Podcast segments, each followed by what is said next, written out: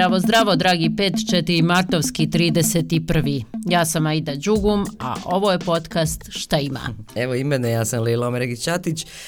I pazi, da te odmah pitam ovo. Uh, jesi li čuo da su juče u državnom parlamentu povećali plate ministrima i parlamentarcima za oko 600 maraka?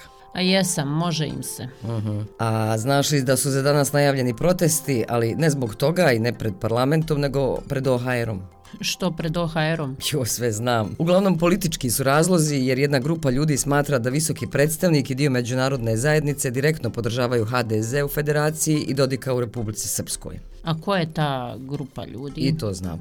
Piše da organizuje krug 99 i neformalna grupa građana Restart. Također traže i zahtijevaju da se sve odluke donose u parlamentima, jer kažu jedino se tako može poštovati ustav i demokratski principi.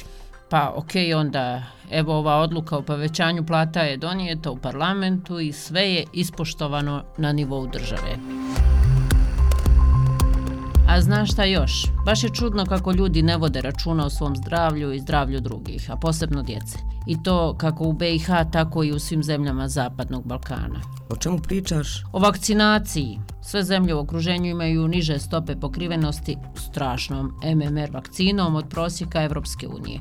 A ja vjerujem da je to zbog one priče sa autizmom za koju je utvrđeno da nije tačna. I bez obzira na to, Svjetska zdravstvena organizacija ima podatak da je u 2021. pokrivenost drugom dozom MMR vakcine u BiH bila 63%. A vidjela sam, 63%. Da.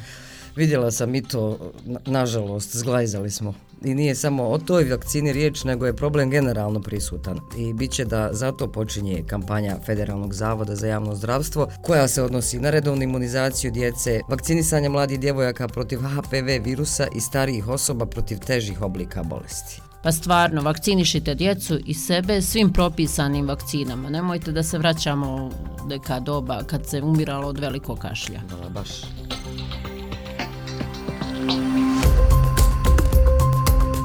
Danas, pored toga što je podizanje svijesti o važnosti vakcinisanja, podižemo svijesti o ljudskim pravima transrodnih osoba.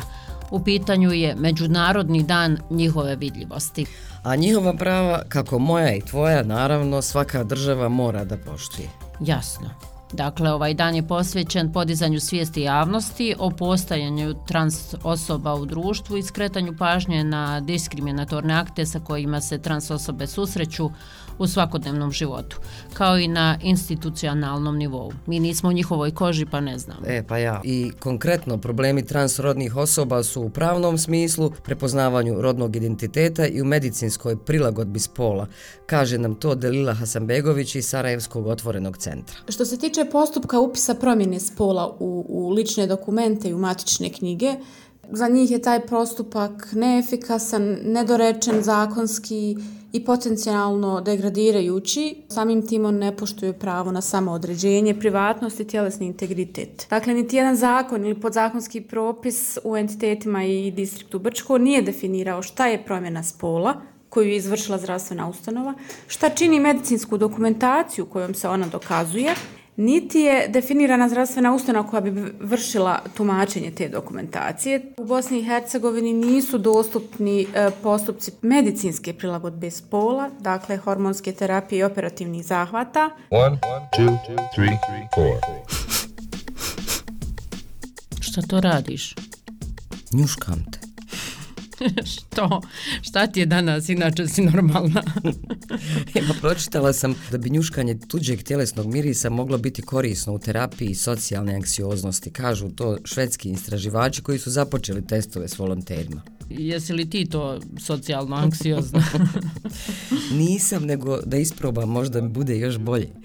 Njihov predosjećaj je ovih istraživača švedskih da miris aktivira moždane puteve povezane s emocijama, nudeći smirujući učinak, ali prerano je reći da li su u pravu ili nisu, piše BBC. Ja evo ne znam, prerano je i meni da kažem.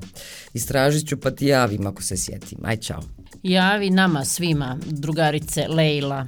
Važi, a novo druženje zakazujem u ponedjeljak ranom zorom. Ćao, čao. Ćao.